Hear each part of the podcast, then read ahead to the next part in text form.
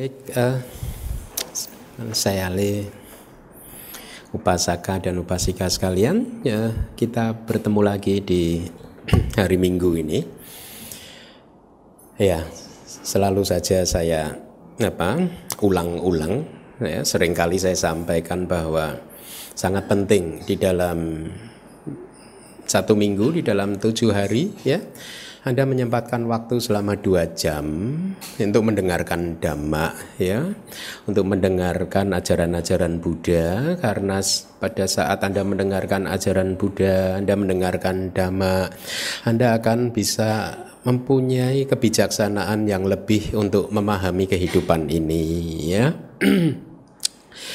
Ingat bahwa kebenaran mulia yang pertama tentang penderitaan adalah kebenaran yang harus parinya harusnya Anda pahami secara menyeluruh. Ini nasihat dari Buddha. Ya, bahwa kehidupan ini harus kita pahami secara sempurna, ya.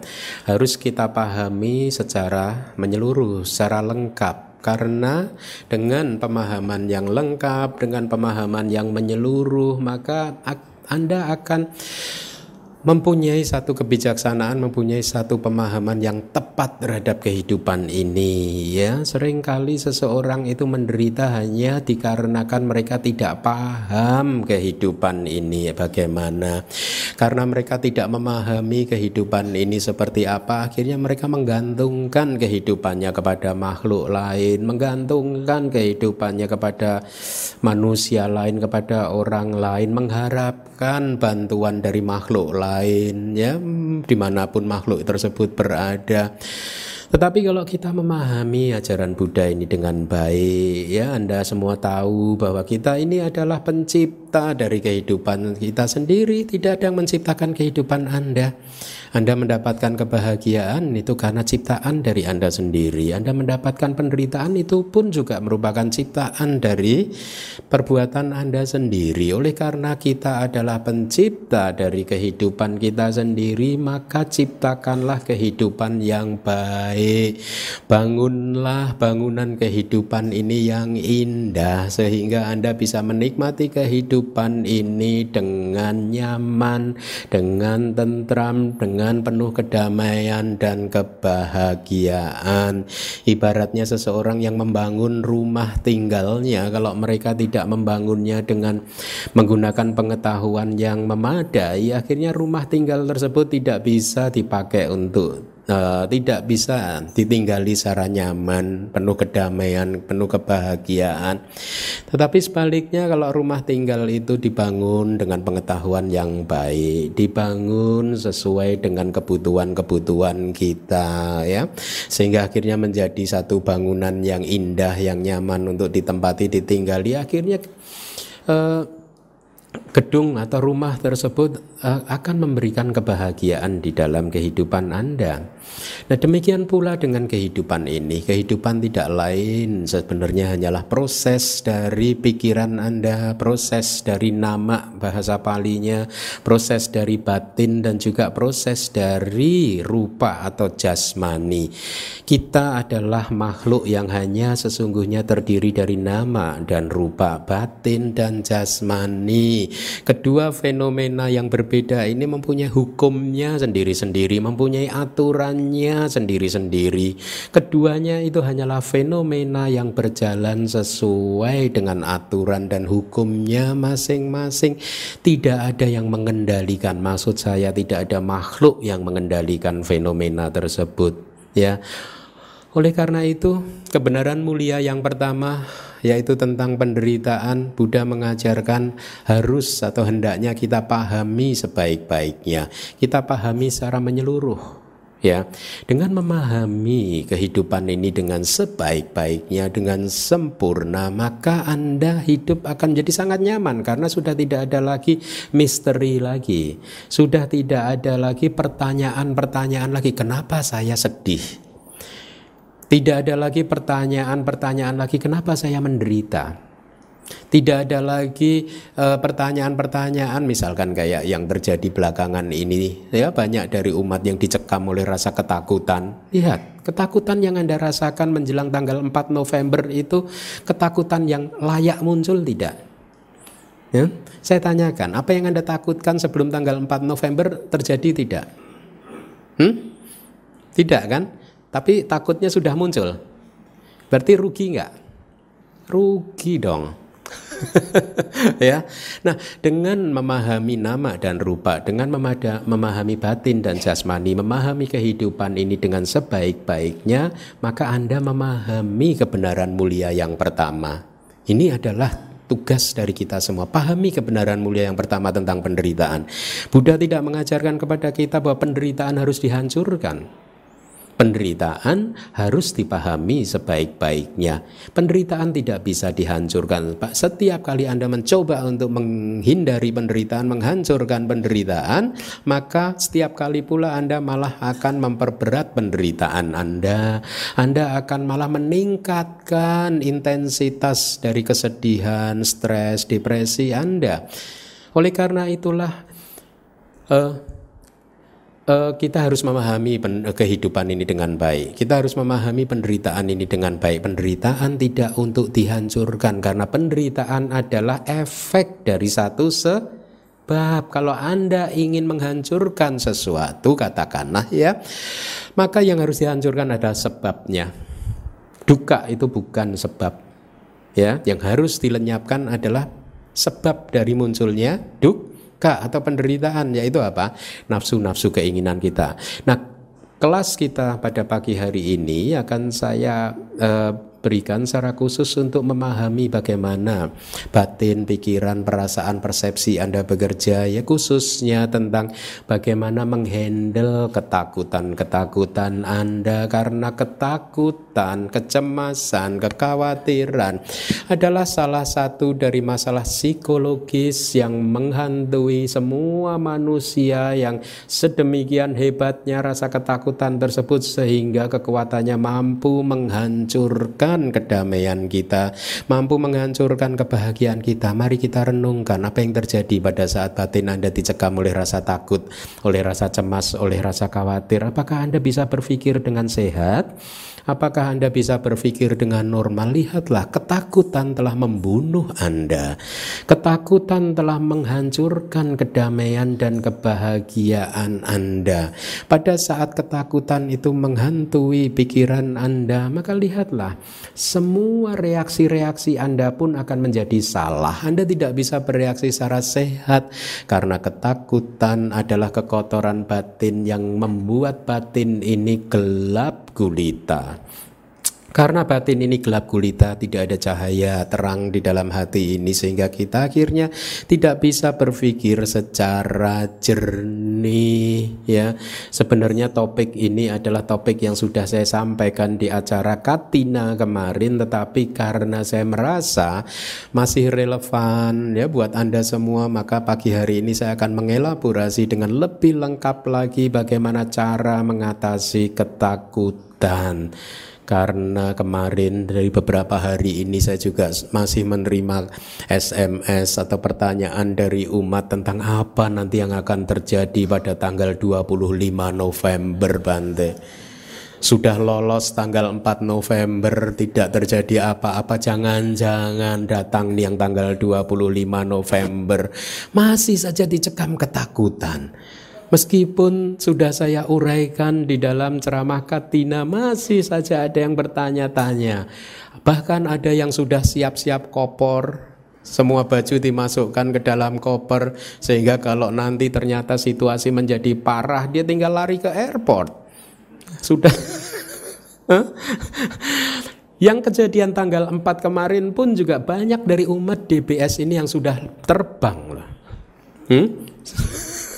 Ya karena dicekam oleh rasa ketakutan akhirnya mereka memilih pindah ke kota yang lain yang lebih aman. Nah, mari kita pahami ketakutan kita. Ya, inilah manfaatnya belajar dhamma. Belajar dhamma, belajar kitab suci kita, belajar tipitaka kita ya itu sesungguhnya mempunyai satu manfaat yang nyata yaitu adalah mampu menyelesaikan masalah-masalah kehidupan Anda. Pengetahuan Anda, latihan Anda harus mempunyai kemampuan untuk menyelesaikan masalah-masalah psikologis Anda sehingga Anda bisa meningkatkan kualitas kehidupan ini. Lebih dari 15 tahun yang lalu saya benar-benar mempelajari bagaimana batin pikiran saya ini bekerja. Sebelum saya memutuskan untuk belajar Buddhism di luar negeri seperti yang Anda ketahui, saya sempat hidup di dalam hutan di dalam hutan belantara selama bertahun-tahun dan pada saat itulah saya mulai kenal dengan pikiran saya. Saya mulai kenal dengan batin, persepsi, perasaan, semua fenomena mental, suasana hati saya. Saya mulai akrab. Saya mulai mendapatkan satu pemahaman betapa selama ini saya selalu ditipu ditipu oleh persepsi-persepsi saya sendiri. Saya selalu ditipu oleh kekotoran batin saya sendiri. Setiap kali keserakahan muncul, nafsu kemelekatan muncul, kemarahan muncul, seolah-olah semua kilesa-kilesa ini memberitahu kepada Anda eh, kepada saya untuk memenuhi apa yang mereka inginkan. Untuk memenuhi apa yang nafsu keinginan itu inginkan, untuk memenuhi apa yang kemarahan itu inginkan dengan seolah-olah memberikan pengertian kepada kebijaksanaan saya bahwa kalau saya bisa memenuhi semua keinginan dari kilesa-kilesa kekotoran batin tersebut maka begitu terpenuhi detik itu pula saya akan bahagia selama-lamanya. Bukankah hal itu terjadi juga pada diri Anda? Setiap kali emosi-emosi negatif muncul apa pun bentuknya itu emosi entah itu adalah kecemburuan, kekikiran dan lain sebagainya. Semua emosi-emosi negatif tersebut memberitahu kepada Anda Anda seolah-olah mendesak kepada Anda untuk memenuhi apa yang mereka inginkan dengan satu janji yang pasti bahwa setelah itu Anda akan bahagia selama-lamanya.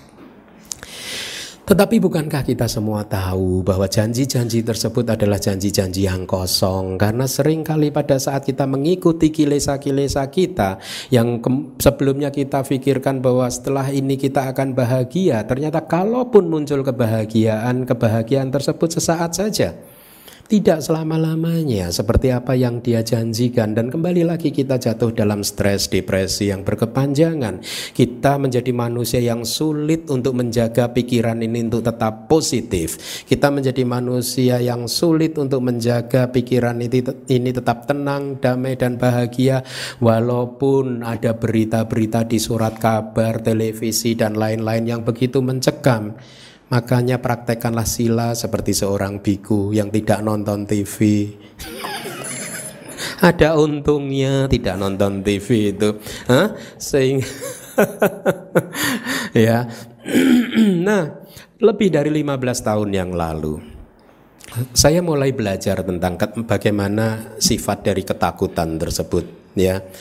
Karena pada saat saya tinggal di hutan bahkan dulu uh, beberapa kali saya pernah bercerita. Di masa lalu saya juga sering tidur di kuburan-kuburan di Pulau Jawa sana. Semata-mata karena waktu itu masih mengejar sesuatu yang berbeda ya, ya berbeda dengan apa yang dikejar di dalam Buddhism yaitu mengejar kesaktian dan lain sebagainya ya. Sudah latihan keras, puasa 40 hari, pengen jadi orang sakti, nggak sakti-sakti lagi. Sampai sekarang akhirnya Kesaktian itu tetap saja jauh dari jangkauan ya akhirnya eh, apa? Tetapi di dalam perjalanan saya pada waktu itu sebelum keluar negeri memberikan satu pelajaran yang sangat berharga ya khususnya tentang ketakutan, kekhawatiran dan kecemasan bahwa sesungguhnya ketakutan kita itu bukanlah sesuatu yang nyata. Kita tidak pernah takut dengan sesuatu yang nyata. Ini harus Anda ingat-ingat. Anda juga tidak akan pernah takut terhadap sesuatu yang nyata ada di depan Anda. Anda hanya takut terhadap khayalan-khayalan Anda sendiri. Setuju tidak? Hmm? Anda berkhayal, kemudian Anda menganggap khayalan Anda itu sebagai sesuatu yang nyata dan kemudian Anda ketakutan sendiri. ya. Pada masa-masa awal saya tinggal di hutan, saya selalu ketakutan setiap kali melihat ular. Ya, saya saya rasa wajar. Anda pun juga kalau tinggal di hutan setiap hari melihat ular, Anda juga pasti akan ketakutan. Kenapa? Karena satu, saya tidak mempunyai pengetahuan mana ular yang berbisa dan mana yang tidak berbisa, ya. Dua, saya juga tidak mempunyai ilmu kebal anti bisa. Ketiga, saya tidak juga mengetahui mempunyai pengetahuan bagaimana apabila saya digigit ular yang ternyata berbisa lalu bagaimana menghandle supaya bisa ini tidak masuk masuk ke dalam jantung saya. Saya tidak punya pengetahuan. Ditambah lagi saya menyadari saya tinggal di dalam hutan. Kalaupun digigit ular berbisa, saya harus minta tolong ke desa terdekat dan itu membutuhkan waktu eh, jalan kaki satu jam. Hmm? Sehingga setiap hari, setiap kali saya melihat ular, karena di hutan tersebut itu penuh ular. Pagi saya melihat ular, siang melihat ular, sore melihat ular, bahkan malam pun melihat ular. Ada saja ular yang lewat. Kapan dia tidurnya? Kadang saya berpikir setiap saat ular ini ada saja di halaman tempat saya bermeditasi dulu di tengah hutan. Nah ketakutan-ketakutan itu sangat mengganggu saya ya. Bahkan pada saat saya eh, awal-awal di hutan atau di, di di kuburan gitu Selama matahari itu belum terbit, selama itu pula lah saya akan mencoba mata saya untuk terbuka. Tidak berani untuk tutup mata, tidak berani untuk tidur.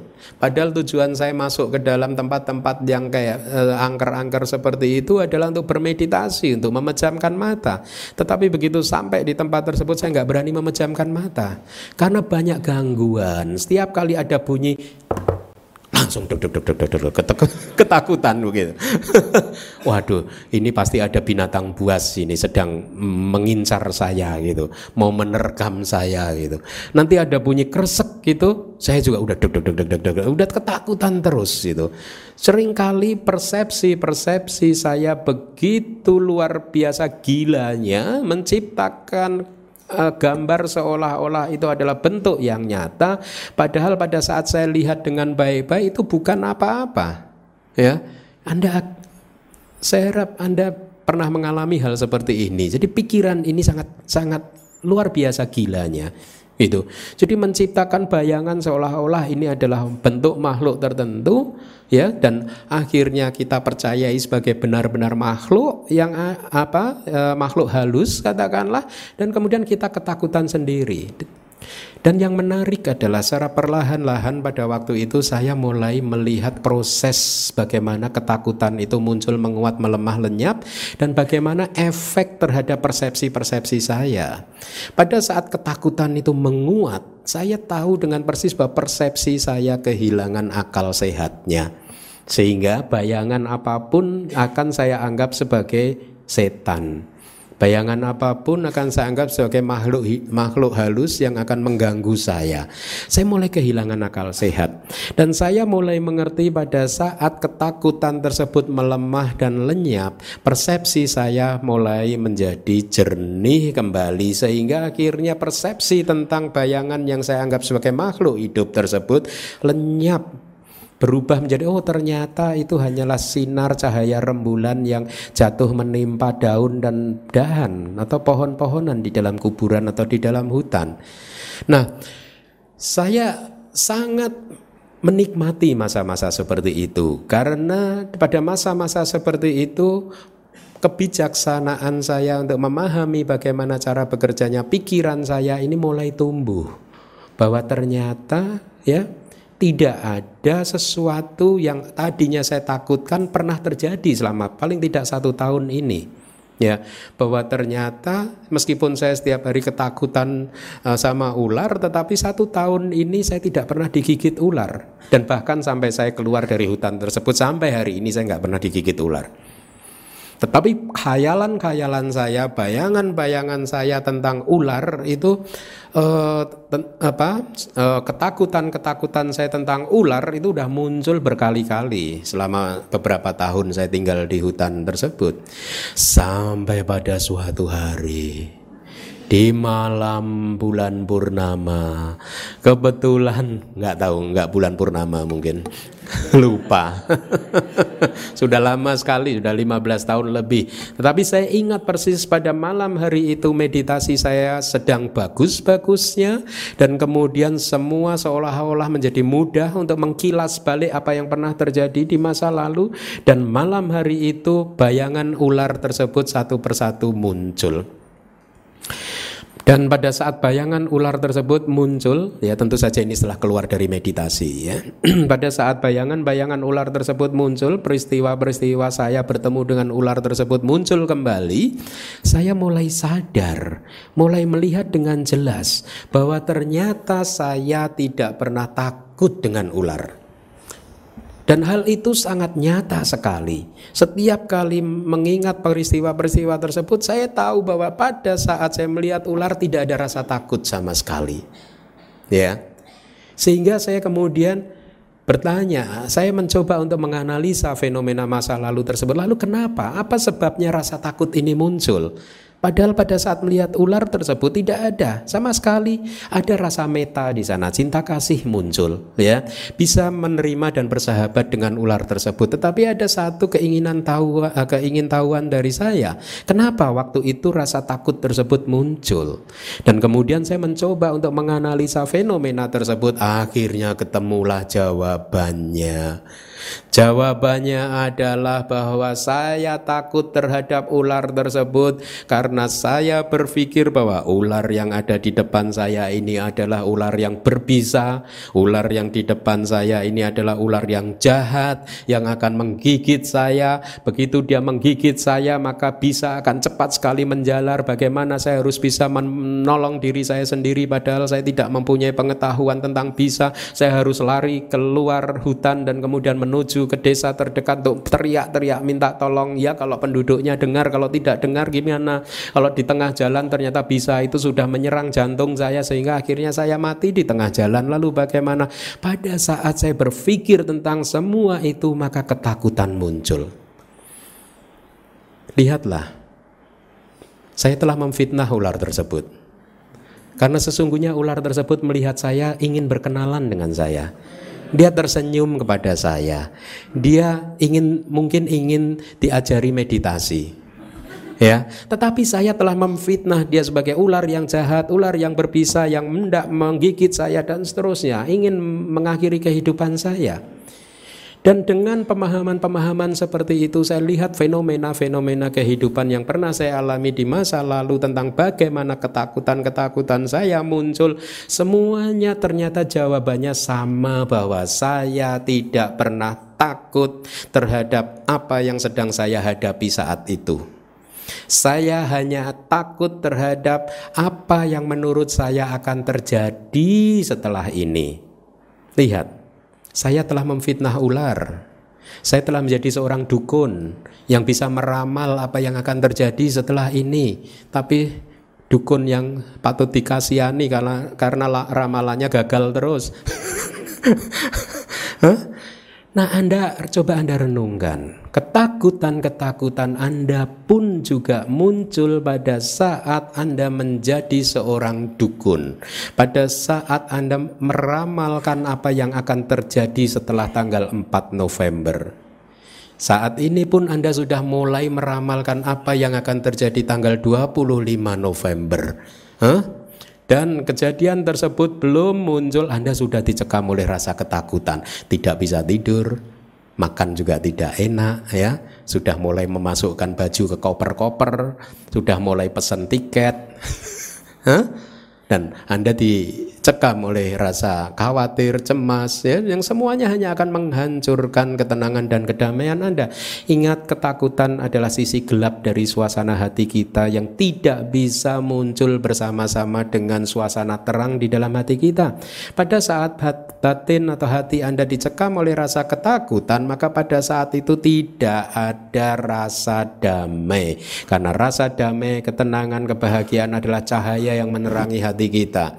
Ketakutan Ketakutan tidak pernah bisa muncul bersama-sama dengan cinta kasih. Ketakutan tidak pernah bisa muncul bersama-sama dengan kebijaksanaan. Ketakutan tidak pernah bisa muncul dengan kualitas-kualitas batin yang positif apa pun yang bisa memberikan ketenangan, kedamaian dan kebahagiaan, ketakutan menghancurkan semuanya itu. Oleh karena itu sangat bagus sekali untuk memahami bagaimana karakteristik dari ketakutan Anda. Saya ulangi, Anda tidak akan pernah takut dengan apa yang ada di hadapan Anda. Anda hanya akan takut terhadap apa yang Anda khayalkan akan terjadi setelah hari ini. Anda tidak akan pernah takut dengan ular yang ada di hadapan Anda. Anda hanya akan takut terhadap khayalan Anda, pikiran Anda bahwa ular ini adalah ular yang berbisa yang akan membunuh Anda. Tetapi mari kita analisa pengalaman-pengalaman masa lalu Anda. Seperti saya menganalisa pengalaman-pengalaman masa lalu saya pada waktu itu lebih dari 15 tahun yang lalu. Bahwa ternyata di masa lalu semua yang saya takutkan ya dan ini juga berlaku buat Anda berarti semua yang Anda takutkan, Anda cemaskan, Anda khawatirkan, saya boleh mengatakan sebagian besar, 90% mungkin kalau boleh memakai angka, sebagian besar dari apa yang Anda takutkan, apa yang Anda khawatirkan akan terjadi di masa depan tidak terjadi. Betul tidak? Hmm? Lalu kenapa Anda harus takut? Kenapa Anda harus menghancurkan ketenangan dan kedamaian Anda takut terhadap sesuatu yang terjadinya kalaupun dia terjadi itu hanya kemungkinannya kecil sekali. Ya. Yang kedua, kalaupun ketakutan-ketakutan yang kemungkinan terjadinya itu sangat kecil sekali itu terjadi di masa lalu, ya, apa yang Anda khawatirkan benar-benar terjadi di masa lalu, ya, eh, ya pernah terjadi di masa lalu, lihatlah pengalaman kehidupan Anda, bukankah Anda mampu mengatasi kesulitan-kesulitan tersebut? Bukankah Anda telah berhasil melewati masa-masa gelap gulita tersebut?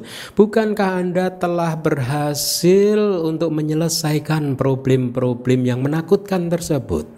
Buktinya hari ini Anda bisa ada di sini, masih bisa tersenyum, ya, masih bisa mendengarkan dhamma, masih bisa belajar dhamma, masih bisa latihan meditasi. Ini semua adalah Uh, satu bukti bahwa Anda di masa lalu adalah seorang master, ahli di dalam mengatasi kesulitan-kesulitan. Ahli di dalam mengatasi sesuatu yang benar-benar menghancurkan, membuat Anda tidak tenang, tidak terdamai, dan tidak bahagia di masa lalu. Nah, karena di masa lalu Anda adalah seorang ahli dalam menyelesaikan masalah-masalah kehidupan Anda, maka Anda harus mengembangkan kepercayaan diri Anda. Percayalah bahwa di masa depan nanti apabila apa yang Anda takutkan itu ternyata muncul, Anda pasti mampu mengatasinya. Karena kalau ketakutan tersebut muncul dan Anda pasti akan mampu mengatasinya. Lalu kenapa Anda harus stres hari ini? Hmm? Lebih baik ditunggu saja. Kalaupun benar nanti tanggal 25 sesuatu yang buruk itu terjadi, baru diatasi pada saat itu. Ya benar, kita boleh antisipatif, tetapi antisipatif mengantisipasi sesuatu secara positif, tidak dicekam oleh ketakutan. Anda boleh merencanakan sesuatu yang berharga untuk apa? Uh, kalau sesuatu yang buruk itu terjadi maka Anda harus begini begitu begini begitu. Ya itu kewajiban kita semua. Tetapi tidak harus dengan menyusunnya dengan ketakutan ya. Karena rumus yang pertama tadi apa yang kita takutkan akan terjadi itu kemungkinan munculnya itu kecil sekali Ya, nah dengan pemahaman-pemahaman yang seperti ini, ini adalah juga merupakan bagian dari kebenaran mulia yang pertama untuk memahami bagaimana kehidupan, bagaimana cara bekerjanya pikiran Anda, bagaimana cara bekerjanya batin Anda, bagaimana cara bekerjanya persepsi-persepsi Anda bahwa ternyata kebijaksanaan Anda sekarang tahu tidak layak untuk takut rugi. Kita itu takut rugi.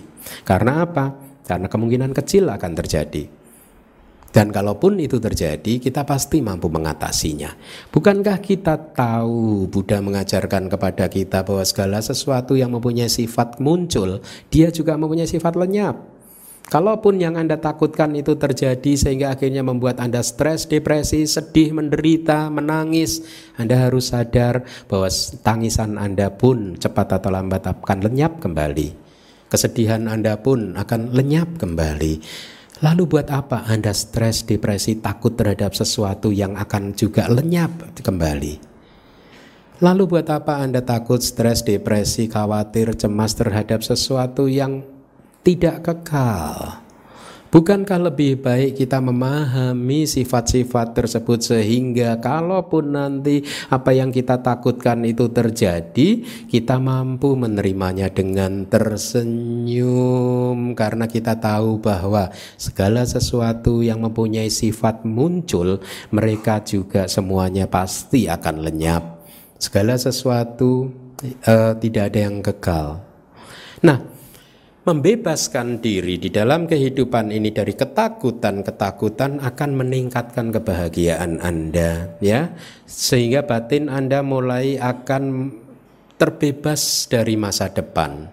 Anda akan mulai mampu menikmati menikmati kekinian Anda, berada di saat sekarang, di saat ini. Ingat bahwa ketakutan yang benar-benar sangat merusak ketenangan, kedamaian, kebahagiaan dan membunuh mem, ya saya katakan ketakutan membunuh manusia.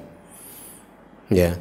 Saya kadang heran, saya bukan seorang dokter, cuman saya senantiasa mengamati kenapa setiap kali ada seseorang difonis dokter mengalami bahwa dia mengidap penyakit yang mematikan, ya sejak dia difonis katakanlah kanker, ya selalu umat-umat yang saya tahu yang telah difonis oleh dokter tidak lebih dari dua tahun setelah difonis meninggal dunia. Saya bukan seorang dokter, tetapi saya seorang guru abidama. Saya hanya mempelajari cara bekerjanya batin. Saya menyimpulkan, pada saat seseorang difonis penyakit yang mematikan, maka sesungguhnya yang membuat dia meninggal dunia bukan penyakit tersebut, tetapi ketakutan-ketakutan dia mempercepat kematiannya. Ya, saya senantiasa mengamati, tidak lebih dari dua tahun, bahkan kadang sangat cepat sekali. Tadinya sehat-sehat saja, ya. Bahkan beberapa waktu yang lalu, tahun lalu, salah satu kawan sekolah saya difonis dia kena kanker kelenjar getah bening. Padahal sebelum difonis dia sehat-sehat saja, ya hidupnya normal-normal saja. Tetapi begitu dokter menget, apa, menemukan bahwa dia kena kanker kelenjar getah bening kurang dari satu tahun dia sudah meninggal dunia saat ini dia lewat. Ya jadi semua itu saya pelajari sehingga buat saya akhirnya confirm bahwa ketakutan itu sesungguhnya yang membunuh manusia. Ya hidup bebas dari ketakutan hidup dengan hati yang tidak dicekam oleh rasa cemas, khawatir, hidup dengan hati yang sangat positif adalah hidup yang akan benar-benar membuat kita sehat. Anda pernah mendengar cerita seorang dewa yang tidur apa turun di satu desa? Hmm? Jadi pada suatu hari, pada suatu malam bulan purnama, nah kalau ini boleh malam bulan purnama kan ini cerita aja kan ya. Jadi pada satu malam bulan purnama ada satu dewa turun di satu desa ya. Di dalam satu desa tersebut ada seratus orang laki-laki semua. Kebetulan penduduknya semua laki-laki ya. Dan kepada seratus orang tersebut dewa tadi mengatakan gitu tidak menampakkan wujudnya hanya memperdengarkan suaranya kepada 100 penduduk desa tersebut dia mengatakan wahai penduduk desa bulan depan persis di bulan hari apa malam purnama juga saya akan kembali lagi ke desa ini dan saya akan mengambil satu nyawa dari kalian. Setelah mengatakan kalimat tersebut suara tersebut lenyap. Tidak ada kelanjutannya. Ini dewanya sedikit nakal dia hanya mengatakan bulan depan akan diambil satu nyawa tanpa menyebut nama. Akhirnya apa yang terjadi? Seratus laki-laki tadi saling bertanya-tanya, eh tadi dewanya nyebut nama siapa enggak sih? Enggak, enggak nyebut. Waduh, jangan-jangan saya ini. Semua orang berpikir, jangan-jangan saya ini. Seratus orang semuanya berpikir, jangan-jangan saya, jangan-jangan saya. Akhirnya mereka semua dicekam oleh rasa takut. Dan singkat cerita, pada malam purnama bulan berikutnya dewa turun ke desa tersebut dia pun bingung karena melihat desa tersebut menjadi sepi sekali. Tidak ada manusia satupun.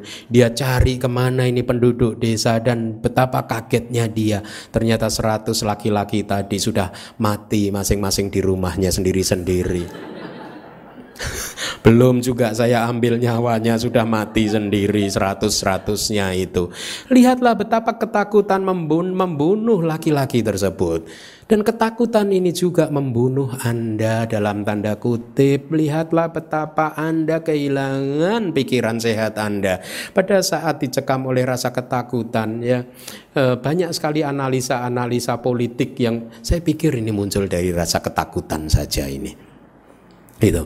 Nah, kembali lagi dengan memahami bahwa ketakutan itu tidak pernah berkaitan dengan masalah yang sedang Anda hadapi, dan ketakutan itu hanya berkaitan dengan khayalan-khayalan pikiran kita tentang apa yang menurut kita nanti akan terjadi, maka kita mulai perlahan-lahan bisa membebaskan diri dari ketakutan-ketakutan tersebut karena pada saat kebijaksanaan ini tumbuh, kebijaksanaan yang muncul dari hasil memahami kehidupan ini dengan baik itu tumbuh. Ini adalah bunga di dalam taman hati kita. Ibaratnya hati kita ini adalah taman ya seperti layaknya sebuah taman pasti ada bunga, ada juga rumput liar. Bunga di dalam taman hati kita itu adalah kekuatan atau uh, apa energi-energi batin yang positif seperti cinta kasih, kewelas asihan, kebijaksanaan, keyakinan, perhatian penuh dan lain sebagainya. Kualitas-kualitas batin yang positif adalah bunga-bunga di taman hati kita. Sebaliknya, emosi-emosi negatif adalah rumput liar di taman hati kita. Kalau kita ingin menghancurkan rumput liar, kita tidak boleh mencabut rumput liar itu dengan kemarahan. Kita tidak boleh mencabut semua menghancurkan semua emosi negatif, semua kilesa itu dengan kemarahan. Yang harus kita lakukan adalah menumbuhkan bunga-bunga positif, kualitas batin atau kualitas hati yang positif. Salah satunya adalah kebijaksanaan yang mengetahui, memahami kehidupan ini dengan baik. Pada saat kebijaksanaan Anda tumbuh dari hasil mengkontemplasikan pengalaman-pengalaman kehidupan Anda dengan baik dan benar ya, sesuai dengan ajaran Buddha, maka pada saat kebijaksanaan ini tumbuh membesar dia akan mendesak rumput-rumput liar tadi sehingga rumput liar liar, tidak mempunyai kekuatan lagi untuk tumbuh. Dan sangat luar biasa sekali. Pada saat kebijaksanaan Anda berkembang, Anda akan mulai melihat hal perubahan-perubahan di dalam kehidupan Anda sendiri bahwa ternyata ketakutan Anda mulai jarang muncul. Ini efek dari latihan spiritual kita. Ada dua poin di dalam latihan spiritual ya dampak yang bisa kita rasakan dengan jelas pada saat kita telah maju di dalam latihan spiritual Buddhis. Yang pertama adalah emosi-emosi negatif mulai jarang muncul. Jarang muncul. Kalau tadinya Anda katakanlah kemarahan Anda muncul 24 kali dalam 24 jam berarti setiap jam muncul sekali. Nah, pada saat Anda kebijaksanaan Anda sudah mulai berkembang, maka kemarahan tersebut mulai muncul jarang, mungkin 24 kali di dalam satu tahun frekuensinya mulai menurun. Dan yang kedua, tidak hanya frekuensinya yang mulai menurun, intensitasnya pun mulai melemah. Jadi artinya kalau kemarahan atau ketakutan itu muncul, dia munculnya sangat singkat sekali tidak sepanjang apa yang Anda rasakan sebelumnya.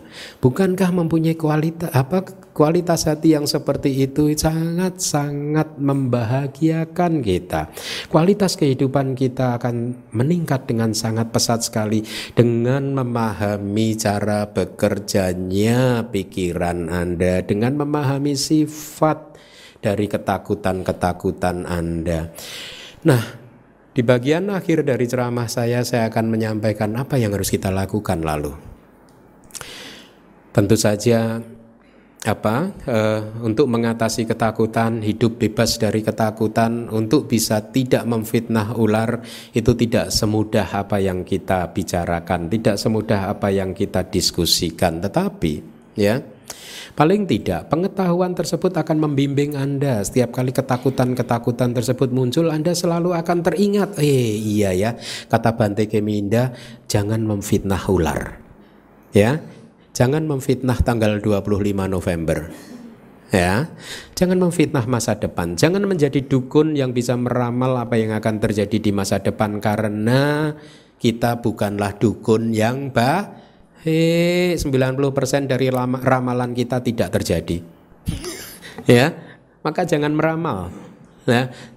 Nah, Solusi, salah satu solusinya adalah mengembangkan apa yang disebut sebagai perhatian penuh atau bahasa palinya sati ya perhatian penuh. Sehingga dengan perhatian penuh Anda Anda akan mulai mempunyai data. Perhatian penuh atau kalau bahasa Inggrisnya mindfulness yang memperhatikan secara penuh itu akan membuat Anda memahami ya yang memahami sebenarnya kebijaksanaan. Tetapi perhatian penuh Anda mindfulness Anda akan memberikan data memberikan data kepada pannya, kepada kebijaksanaan Anda sehingga pannya, kebijaksanaan Anda akan mulai memahami bahwa oh iya ya ketakutan ini hanyalah satu proses batin. Proses batin yang muncul menguat melemah lenyap, muncul menguat melemah lenyap. Oleh karena itu kembangkanlah perhatian penuh Anda pada saat ketakutan itu muncul, arahkan perhatian batin Anda ke dalam ke dalam suasana hati Anda, bagaimana jantung Anda berdebar, bagaimana efek dari ketakutan-ketakutan tersebut yang ditimbulkan terhadap pikiran-pikiran Anda, persepsi Anda, analisa Anda, kemudian arahkan ke dalam untuk mengetahui apa yang menyebabkan ketakutan ini muncul. Sehingga Anda kemudian mengerti hubungan sebab dan akibat. Eh, ternyata rasa takut ini muncul karena berkaitan dengan masa lalu. Saya ingat pada tahun 1998 dulu ada kejadian yang sangat memilukan terjadi dan karena kita teringat dengan peristiwa tersebut akhirnya kita memakai uh, peristiwa tersebut sebagai standar untuk menilai apa yang akan terjadi di masa depan. Dengan demikian kita akan melihat eh ternyata satu detik sebelum ketakutan itu muncul, saya telah kehilangan akal sehat saya. Saya telah menggunakan nilai-nilai yang telah terjadi di masa lalu untuk menilai sesuatu yang akan terjadi di masa depan. Dan ternyata sesungguhnya saya tidak pernah terja apa tidak pernah takut dengan apa yang ada di hari ini. Gitu. Hari ini saya baik-baik saja. Gitu. Kemarin pada saat tanggal 4 November itu beberapa umat yang ketakutan itu saya tanya, kamu tanggal hari ini kamu oke okay saja? Ayo oke okay? gitu. Iya sih Bante masih oke okay sih. Ya udah dinikmati lah masih oke-nya itu. oh masih oke okay kok udah ketakutan. nah, jadi dengan mengembangkan perhatian penuh Anda ya diperhatikan ke dalam, perhatikan hati Anda, lihatlah ketakutan-ketakutan Anda. Jangan melihat keluar. Artinya jangan melihat keluar itu sehingga artinya batin Anda tidak berada di sini. Batin Anda keluar lari ke masa lalu atau keluar lari ke masa depan. Keluar lari ke masa lalu untuk mengingat-ingat tahun 98 atau keluar ke masa depan untuk mencoba memprediksi menjadi seorang dukun yang memfitnah ular. Ya, pada saat batin Anda tidak berada di sini, maka lihatlah Anda kehilangan ketenangan Anda, Anda kehilangan kedamaian Anda karena Anda tertipu oleh persepsi-persepsi Anda.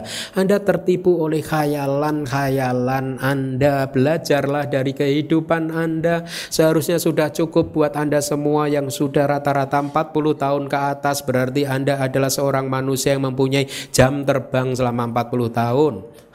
Harusnya sudah cukup memberikan data kepada Anda betapa persepsi-persepsi Anda itu sering mengelabui Anda, sering menipu Anda. Ya. Nah, karena persepsi-persepsi ini tidak bisa dipercaya, maka bebaskan dari persepsi-persepsi yang negatif. Ya, hiduplah di saat ini, di sini dan sekarang Jagalah perhatian Anda untuk tidak lari ke masa lalu dan untuk tidak lari juga ke masa depan karena lari ke masa lalu dan lari ke masa depan berpotensi memunculkan kekotoran batin, berpotensi memunculkan kesedihan dan penderitaan ataupun ketakutan. Oleh karena itu dengan mengarahkan perhatian ke hati kita, kita akan mendapatkan data bahwa ternyata ketakutan ini adalah sesuatu yang berkondisi. Artinya muncul karena ada sebab. Dan ketakutan ini akan menjadi sebab dari efek-efek tertentu, membuat badan Anda panas dingin, membuat persepsi Anda kehilangan akal sehatnya dan lain sebagainya. Sampai kemudian Anda mulai melihat dengan jelas kalau sati Anda sudah mulai fokus, perhatian penuh Anda sudah benar-benar mulai memperhatikan detik demi detik berkembangnya, berprosesnya dari ketakutan tersebut, Anda akan melihat bahwa sesungguhnya ketakutan Anda itu tidak nyata nyata. Segalanya akan jelas terlihat bahwa rasa takut tersebut muncul pada saat Anda mencoba untuk memprediksi masa depan. Anda meyakini prediksi Anda itu akan terjadi, dan pengalaman dari masa lalu mengajarkan kepada kita bahwa apa yang kita prediksi sebagian besar meleset. Nah, berkaitan dengan perhatian penuh ya atau yang bahasa Inggrisnya disebut mindfulness. Saya ingin menyampaikan sedikit informasi tentang apa itu yang disebut mindfulness atau perhatian penuh ya. Perhatian penuh adalah satu energi di dalam batin Anda yang mempunyai karakteristik ada dua karakteristik. Karakteristik yang pertama, perhatian penuh membuat perhatian Anda tidak mengambang.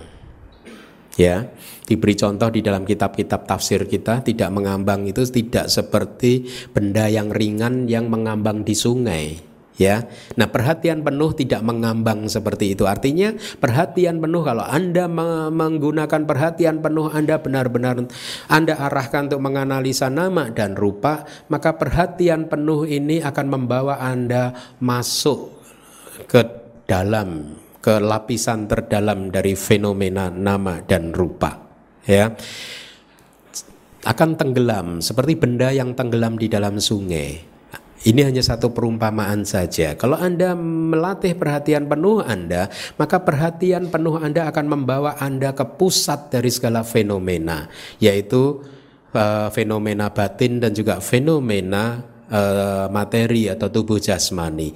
Karena Anda mulai masuk lapis demi lapis sampai ke pusat dari fenomena, maka perhatian penuh ini akan membantu banyak membantu kebijaksanaan, memberikan data dan informasi kepada kebijaksanaan Anda, sehingga kebijaksanaan Anda akan bisa melihat bahwa segala sesuatu itu ternyata anicca, duka, dan anatta. Ini karakteristik yang pertama dari perhatian penuh uh, apa dari uh, energi batin yang disebut perhatian penuh. Jadi latihlah perhatian penuh ini karena dengan perhatian penuh yang terlatih Anda akan lebih mudah untuk memahami fenomena ini dengan lebih objektif lagi ya. Kemudian karakteristik yang kedua dari perhatian penuh itu adalah sifatnya pandai, kepandaian ya. Kalau tadi tidak mengambang, tadi itu diberi perumpamaan di dalam kitab tafsir seperti seorang raja ya yang kaya raya mempunyai harta benda. Kemudian tetapi karena raja ini kan hidupnya kan penuh dengan kenikmatan-kenikmatan panca indera ya. Sehingga dia suka lupa ya. Suka lupa terhadap kekayaannya sendiri terhadap harta bendanya sendiri. Itulah mengapa raja ini membutuhkan peran dari pembantunya. Katakanlah uh, apa uh, kalau di kitab itu disebut sebagai bendaharawannya gitu. Nah bendaharawannya ini akan secara periodik datang kepada raja untuk mengingatkan raja, eh raja, Anda itu punya sepuluh gajah, Anda mempunyai sepuluh kuda, Anda mempunyai emas sekian, Anda mempunyai permata sekian, dan seterusnya. Jadi bendaharawan ini tugasnya mengingatkan raja tentang harta kekayaan dari raja. Ya, Setelah bendaharawan datang mengingatkan kemudian raja teringat lagi ya akhirnya dia mulai mengapresiasi kekayaannya dan setelah itu bendaharawannya pergi lagi. Pada saat bendaharawannya pergi lagi rajanya lupa lagi dia terjebak lagi dalam uh, kenikmatan dan kepuasan-kepuasan panca indera ya sampai kemudian nanti harus diingatkan lagi oleh bendaharawannya. Nah di dalam cerita ini ya raja itu adalah batin Anda ya yang berkecenderungan lupa terhadap sesuatu yang baik, lupa terhadap apa yang dilakukan harus dilakukan, lupa terhadap pelajaran-pelajaran yang sudah pernah dipelajari, lupa bahwa ternyata segala sesuatu yang berkondisi itu adalah anicca, duka dan anatta. Pada saat Anda dicekam oleh rasa takut terhadap apa yang menurut Anda mungkin akan terjadi, pada saat itu Anda lupa bahwa ketakutan Anda adalah tidak kekal. Karena kalau Anda ingat ketakutan Anda tidak kekal, kira-kira Anda akan takut nggak? Anda akan takut terhadap sesuatu yang tidak kekal nggak? Anda tidak akan pernah takut terhadap sesuatu yang tidak kekal. Anda akan takut terhadap sesuatu yang menurut Anda kalau muncul dia muncul selama-lamanya. Nah, jadi itu sifat dari tidak mengambang, ya. Raja tadi adalah perumpamaan batin Anda yang terjebak dalam apa kepuasan dan kenikmatan-kenikmatan indrawi sedangkan bendaharawan raja yang mengingatkan raja tentang kekayaannya adalah sati adalah mindfulness adalah perhatian penuh inilah uh, kalau di dalam abidama sati itu adalah satu energi di dalam batin kita yang berkaitan dengan memori kita dengan daya ingat kita ya. Nah, sati datang mengingatkan cita ya, mengingatkan si raja, mengingatkan batin Anda ya bahwa kita harus melakukan dana, kita harus melakukan sila ya, mengingatkan bahwa ketakutan itu pun adalah ketakutan yang tidak kekal yang muncul karena ada sebab yang mendahuluinya. Ketakutan tersebut tidak pernah muncul ter, uh, berkaitan dengan sesuatu yang kita hadapi saat ini. Ketakutan itu hanya muncul pada saat pikiran lari ke masa depan. Nah, yang mengingatkan ini semua adalah perhatian penuh. Ya, Perhatian penuh berkaitan dengan memori. Oleh karena itu seseorang guru-guru saya di Myanmar itu ada yang salah satu ada yang berusia uh, eh, 101 pada waktu itu. Ya, tetapi beliau masih bisa memberikan damatok dengan sangat indah sekali. Ya, amazing ya. Seorang bante yang umurnya udah 100 tahun, damatoknya masih sangat bagus sekali gitu. Kenapa? Kemudian saya belajar abidama dan paham, oh karena beliau bermeditasi terus, ya, sehingga mindful, ya memorinya sangat bagus sekali, ya. Nah maka anda harus melatih ini perhatian penuh, ha? mindfulness anda, sati anda, supaya anda jadi mempunyai cara untuk keluar dari semua problem-problem psikologis Anda salah satunya adalah ketakutan. Nah, karakteristik dari ketakutan yang kedua adalah sifatnya yang pandai, kepandaian ya. Kalau Anda melatih perhatian penuh Anda ya, sati Anda karena sati ini berkaitan dengan memori itu diberi contoh di dalam kitab tafsir kita itu seperti pahatan di dalam batu karang. Seseorang memahat tulisan di batu karang, maka tulisan itu akan lama sekali lenyap. Betul tidak? Nah, kalau Anda penuh perhatian, ya maka apa yang sudah Anda pelajari, damatok satu jam ini yang Anda dengarkan akan nyantel terus di dalam memori Anda, sehingga pada saat nanti problem tentang ketakutan tersebut muncul di hati Anda, Anda ingat lagi akan apa yang harus Anda lakukan. Oh, kata Bante Keminda jangan memfitnah ular. Saya teringat lagi dengan cerita jangan memfitnah ular. Saya teringat lagi dengan 100 penduduk desa yang mati semua. Hmm? Karena dibunuh oleh ketakutannya sendiri ya. Saya teringat dengan kata-kata Bante Keminda bahwa ketakutan hanya muncul terhadap sesuatu yang berkaitan dengan masa depan yang menurut prediksi kita akan terjadi tetapi Pengalaman masa lalu mengajarkan kepada kita bahwa semua yang kita takutkan, sebagian besar yang kita takutkan tidak terjadi. Nah, dengan demikian Anda akhirnya mulai bisa melepaskan diri dari ketakutan-ketakutan Anda, sehingga perhatian penuh Anda, mindfulness Anda secara perlahan-lahan menyembuhkan penyakit-penyakit psikologis Anda. Dengan terus memperhatikan ketakutan Anda sampai kemudian Anda memahami bahwa ketakutan hanyalah fenomena yang muncul, menguat, melemah dan lenyap ya. Pada saat persepsi tentang ketidakkekalan itu mulai menguat, apa yang terjadi? Lihat, hati Anda menjadi kokoh daya tahan Anda untuk menerima permasalahan kehidupan Anda menjadi meningkat. Anda akan mampu menghadapi goncangan-goncangan di dalam kehidupan ini, ya. Kenapa? Karena persepsi Anda sudah mulai menguat bahwa masalah apa pun yang ada di dunia ini tidak kekal adanya. Cepat atau lambat akan lenyap sendiri. Lalu kenapa saya harus stres dan takut terhadap sesuatu yang cepat atau lambat dia akan lenyap sendiri? Dan yang lebih menarik lagi adalah pada saat Anda benar-benar mengembangkan perhatian penuh Anda ke dalam, bukan keluar, sehingga Anda mengerti semua proses dari emosi-emosi Anda, maka lihatlah bahwa mindfulness Anda benar-benar empowering you, akan membuat Anda benar-benar seperti seseorang yang tidak mudah kehilangan energi, menjadi seseorang yang penuh energi, energetik, menjadi seseorang yang penuh perhatian, ya, menjadi seseorang yang uh, karena kadang ya ketakutan, kemarahan itu muncul pada saat tubuh anda kelelahan. Ya, sering kan kalau anda tubuh anda lelah lalu anda mudah marah kan? Hmm? Dan tidak hanya mudah marah, emosi-emosi negatif yang lain termasuk ketakutan akan mudah muncul pada saat tubuh kelelahan dan batin kelelahan. Ya pada saat nama dan rupa batin dan tubuh jasmani kelelahan maka semua emosi negatif akan mudah muncul. Nah perhatian penuh akan menghindarkan Anda dari kelelahan-kelelahan tersebut. Ya karena Anda akan jadi sangat rileks sekali. Tubuh Anda menjadi sangat rileks, sangat lentur dan batin Anda pun menjadi sangat lentur sekali. Sangat lentur. Mudah untuk diarahkan untuk melakukan hal-hal yang bisa menciptakan ketenangan, kedamaian dan kebahagiaan. Bayangkan batin yang kaku, yang tidak lentur adalah batin yang sedang dicekam oleh ketakutan. Bayangkan pada satu masa di masa lalu Anda pernah dicekam oleh ketakutan. Ingat-ingatlah peristiwa tersebut. Lihatlah batin Anda sangat kaku sekali. Tidak mudah untuk diarahkan ke sini dan ke sana. Batin Anda benar-benar apa? mencengkeram sesuatu yang menurut Anda itu adalah benar dan pasti akan terjadi.